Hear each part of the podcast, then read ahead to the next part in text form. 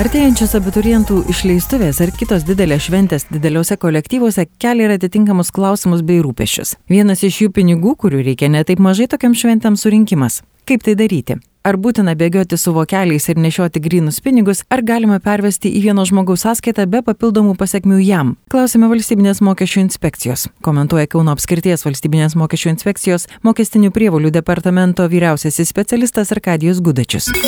Pavasaris išleistuvės, na, niekam nepaslaptis, kad tam reikalingos pakankamai didelės sumos pinigų, kurios renkamos šventėms ir teveliai, norėdami tai daryti nepažeisdami įstatymų, iš ties susiduria su keistom situacijom. Nešiotis tūkstančius eurų grinais, nei saugu, nei galų gale legalu, jais vėliau mokėti didesnės sumas ir apskritai bėgioti, nusiminėti pinigus iš banko tam, kad kažkam perduoti, na, ne, nebe tie laikai atrodo, kažkaip nelogiška, bet ką daryti, ar galima rinkti pinigus, tiesiog privatiems asmenims į kažkieno asmeninę sąskaitą. Pagal gyventojų pajamų mokesčio įstatymo nuostatos gyventojų pajamomis laikomas gautas atlygis už darbus, suteiktas paslaugas, parduotą turtą arba kitą gautą naudą pinigais arba natūrą. Dabar į sąskaitą įplaukusių pinigų priskirimas gyventojo pajamomis nustatomas pagal banko pavedime nurodytą, nurodytą paskirtį ir faktinės aplinkybės.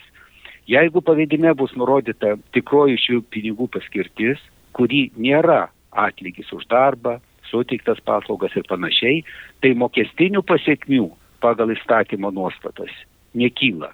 Tam tikrais atvejais gyventojai, pavyzdžiui, mokesčių administratorius atliekant patikrinimą gali tekti paaiškinti į savo asmeninę banko sąskaitą patekusių pinigų kilmę.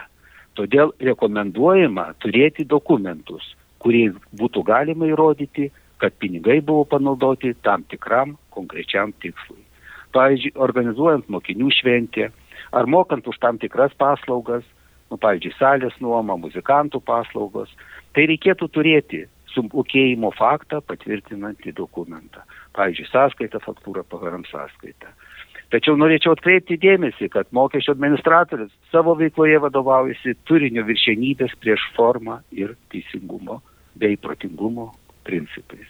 Jeigu reikėtų daugiau informacijos, tai galima ją surasti valstybinės mokesčių inspekcijos interneto svetainėje arba paskambinus telefonu 1882.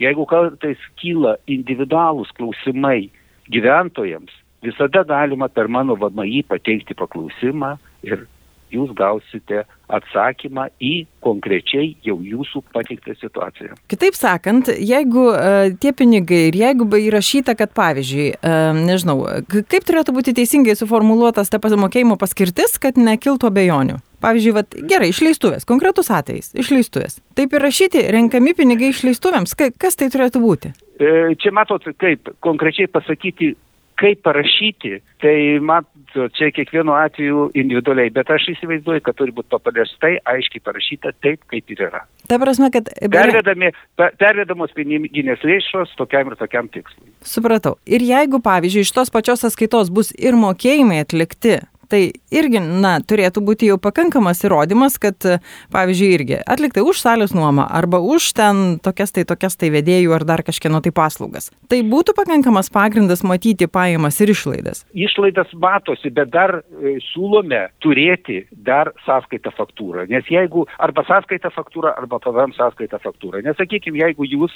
samdot muzikantus, tai yra e, jūs, nu, Taip, taip, nu, suprantu, taip. Moksleiviai, klasė, jie turėtų išduoti dokumentą, sąskaitą faktūrą arba PVM sąskaitą faktūrą ir tada jau pateisinama yra pilnai yra pateisinamos e, piniginių lėšų išlaidos. Mhm. Kitaip sakant, tai nebūtų problema ir ten apribojimai kažkokie tai 2500, kaip ten buvo, buvo tokios, tokios kažkokios informacijos ar panašiai, tai visa, visa tai negalioja, tai yra būtų grinai kaip, na, surinkti pinigai, tas pats kaip į savo piniginę, taip į banko sąskaitą ir po to, turint dokumentus, tu juos, tu juos legaliai tada gali išleisti.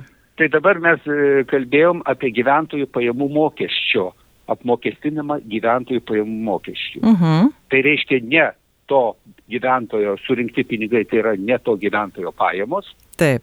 Ir nėra apmokestinama gyventojų pajamų mokesčių. Taip. Dėl grinų pinigų atsiskaitimo ir pavedimų čia yra visai kiti teisės aktai. Ir ten, kur virš e, atskirais atvejais negali e, atsiskaityti grinais pinigais virš 5000 eurų, tai čia yra visai kitas klausimas. Taip, bet ta prasme, kur... čia, čia viskas aišku, ten ne, ne, ne, su niekuo negali, ar ne, 5, daugiau negu 5000. Ar, ar... Taip, jeigu sandorių vertė viršė 5000 eurų. Tada jau privaloma mokėti pavedimu ir tada kito varianto Taip. net nėra. Aiškino mokesčių inspekcijos vyriausiasis specialistas Arkadijus Gudačius. Jį kalbino Vilija Kadaraitė.